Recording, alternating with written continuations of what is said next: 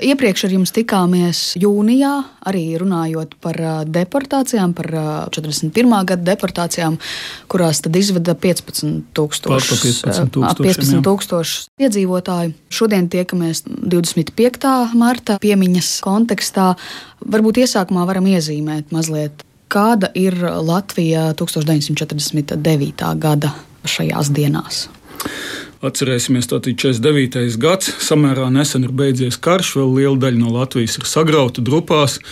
Pret tā saucamajiem jaunu atbrīvotājiem ir sākusies plaša partizānu kustība. Nu, faktiski uz 49. gadu jau viņa pa daļai ir apspiesta, bet nu, viņa joprojām ir pietiekami plaša.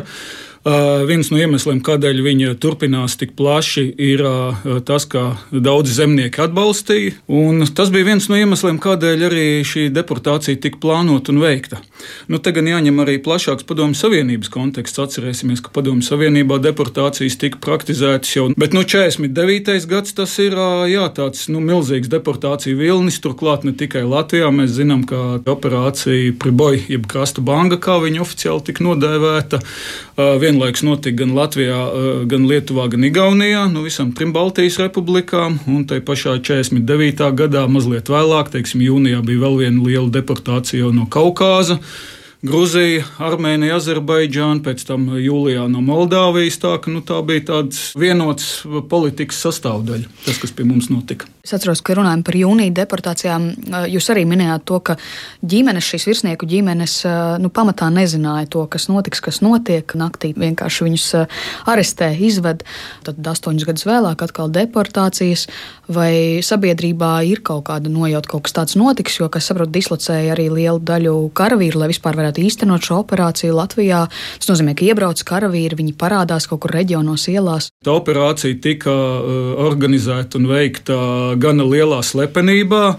Bet nu, kaut kādā daļā sabiedrības kaut kādas nojautas jau bija. Ir zināms, ka klīda kaut kādas baumas. Jo atcerēsimies, gadu iepriekš, 48. gadā, no Lietuvas bija masveida deportācija, 48. gada pavasarī. Uh, nu, kaut kāda daļa cilvēku saprata, ka nu, šitai varēja turpināties, kaut kas līdzīgs agrāk vai vēlāk var atkārtoties. Un uh, 49. gada pavasarī it sevišķi ir zināms, ka, nu, lai īstenot uh, deportāciju, tika mobilizēts gan, jūs jau teicāt, karavīru skaits, gan arī ļoti daudz kravas mašīnas. Un cilvēki vienkārši ieraugot uh, ka sākās tāda kaut kāda līdzīga kustība, ko daļa jau ir pieredzējusi 41. gadā, saprata, ka nu, kaut kas nelabs tuvojās. Un ir zināmi gadījumi, kad ir cilvēki, kas noslēpās uz kaut kādām dažām dienām, pie paziņām vai nu, kā nu kurš. Ir zināmi gadījumi, ka jā, kaut kāda daļa cilvēku tādā veidā izvairījās no deportācijas, kuri reāli mēs zinām pēc sarakstiem bija viņu vārdu iekšā, bet nu, viņi uz to brīdi, kad viņiem ieradās pakaļ, viņi fiziski mājās neatradās.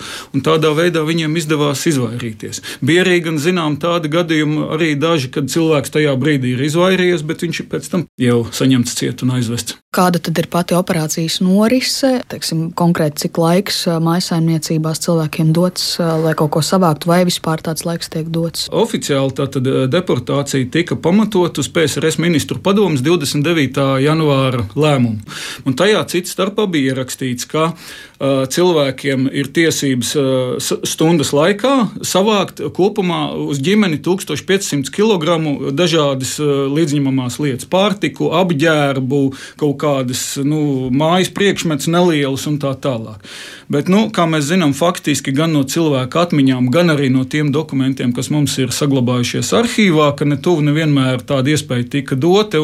Ir reāli zinām arī gadījumi, kad cilvēkus vienkārši pamodināja, burtiski dažu minūšu laikā lika sagatavoties, ko viņš paspēja paņemt, to paspēja. Un burtiski arī tādus ar kaut kādām dažām drēbēm un minimāliem pārtiks krājumiem vai pat vispār bez pārtiks paņēma. Vairums izbrauca no Latvijas uz austrumiem 25. un 28. martā, bet pēdējais ešalons, vēl papildu ešalons 33. 30. martā izbrauca ar pēdējiem cilvēkiem. Tas būtiskākais bija tas, ka izvest tas, ko sauc par kulakiem, Principā tā ir turīgā zemniecība, nu, pārtulkojot to žargonu. Un otrs bija tā saucamo nacionālistu, jeb tā saucamo bandītu, jeb faktiski nacionālo partizānu, jeb nelegāļu ģimenes locekļi. Un izved tā tad nu, jau daudz lielāku skaitu, tie 42, laikam. Pārpa 42 tūkstošiem. No oficiāli ir apstiprināti 42 125. Pieminējāt to nosaukumu, tad uh, operācija Krasta Banga. Par šodienas kontekstu ir uh, operācija pēc krievu propagandas teiktā operācija Ukrainā, speciālā operācija Ukrainā. Skaidrs, ka tas ir karš Ukrainā. Es nezinu, vai jūs arī kā vēsturnieks velkat kaut kādas paralēles, zinot visādus faktus no vēstures, no dažādiem posmiem, gan pirms otrā pasaules kara, gan pēc, gan padomu laikā, ar to, kas notiek šobrīd. Nu, ar deportācijām tieši paralēlis, protams, pagaidām nevar vilkt, jo, nu, lai nu, ko mēs teiktu par Putinu, lai kas notika Krievijā, nu, masu deportācijas pagaidām, uzsver, pagaidām tur vēl nav notikušas. Bet, ja runā par to propaganda, bet, kā komunicē, par jā, kaut kādu jā, rīcību, kā attaisno. Tad, paralē, tad paralēlis un līdzības ir ārkārtīgi daudz. Nu, gal galā, put, ja jau mēs tagad tā paskatāmies, nu, paša Putina izteikumus, nu, Viņš jau sen pirms vairāk kā 20 gadiem, man liekas, deklarēja to, ka Padomju Savienības sabrukums viņa priekšstatos ir lielākā ģeopolitiskā katastrofa. Tad vēl ja tam pieliekam klāt, ka Staļins viņa ieskatā ir bijis efektīvs menedžers. Plus vēl, nu jā, jūs jau arī pieminējāt, tā tad propaganda. Tolaik tā bija nu, apdullinoša propaganda par komunisma cēlējiem mērķiem. Nu, tagad tā propagandas fokus ir mazliet savādāks. Tagad neceļ komunismu, tagad tur ir Krievijas īpašais eh, status un īpašā vieta vēsturē. Un, nu, principā tāda izteikti impēriska tā propaganda ir. Bet, bet eh, viņas uzbūves principi lielā mērā ir ļoti līdzīgi. Teiksim, arī to, ka propaganda kļūst ar vien visaptvarošāk teiksim, no valsts televīzijas. Tur nekas cits vairs izņemot propagandu neskan.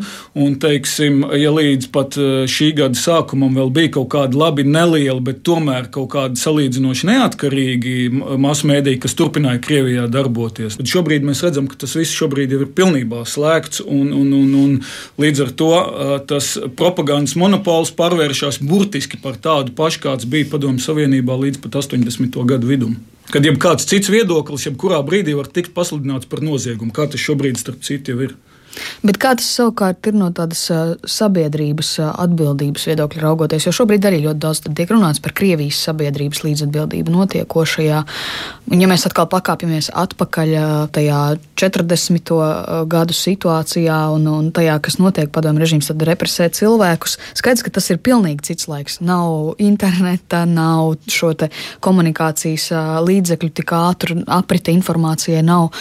Bet, jā, vai arī tajā laikā ir kaut kādas ziņas par to, ka kā sabiedrība reaģē uz šīm represijām, tieši Krievijā, vai viņi zina par to, kas notiek Baltijas valstīs, citās valstīs, ko dara padomu režīms?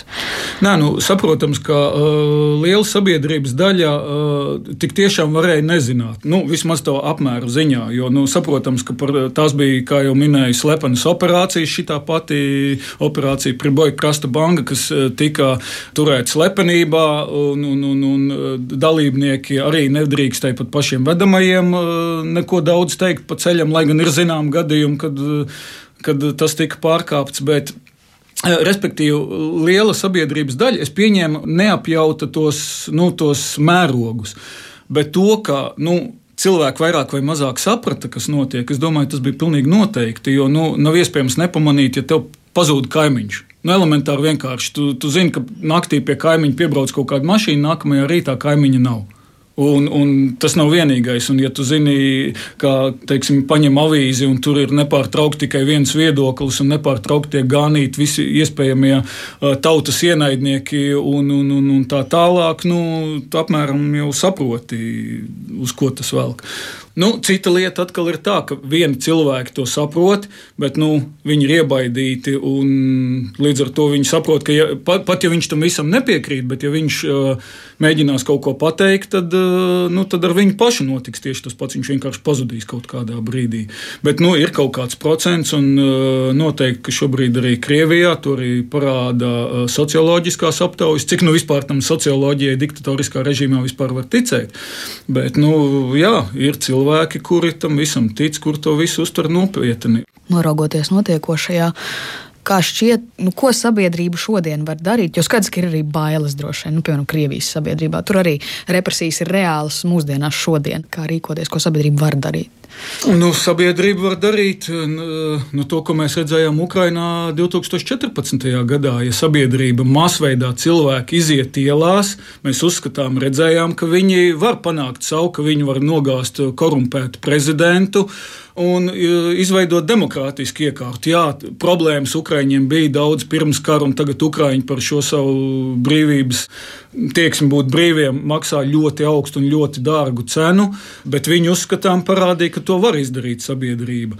Cita lieta, vai kaut kas tam līdzīgs var Krievijā notikt, e, nu, šobrīd nekādas pazīmes neliecina, ka Krievijā masveidā cilvēki varētu iziet ielās. Jā, ir bijuši kaut kādi pretkara protesti, kā mēs zinām, bet tie tomēr salīdzinoši sevišķi priekš Krievijas mērogiem tie ir ļoti mazskaitlīgi, un, un turklāt mēs zinām, ka viņi tiek ārkārtīgi nežēlīgi un brutāli apspiesti. Eh, tā ka no tāda viedokļa, ja tā absolūtā brutalitāte un nežēlība, nu, diemžēl jāatzīst, gūst panākumus.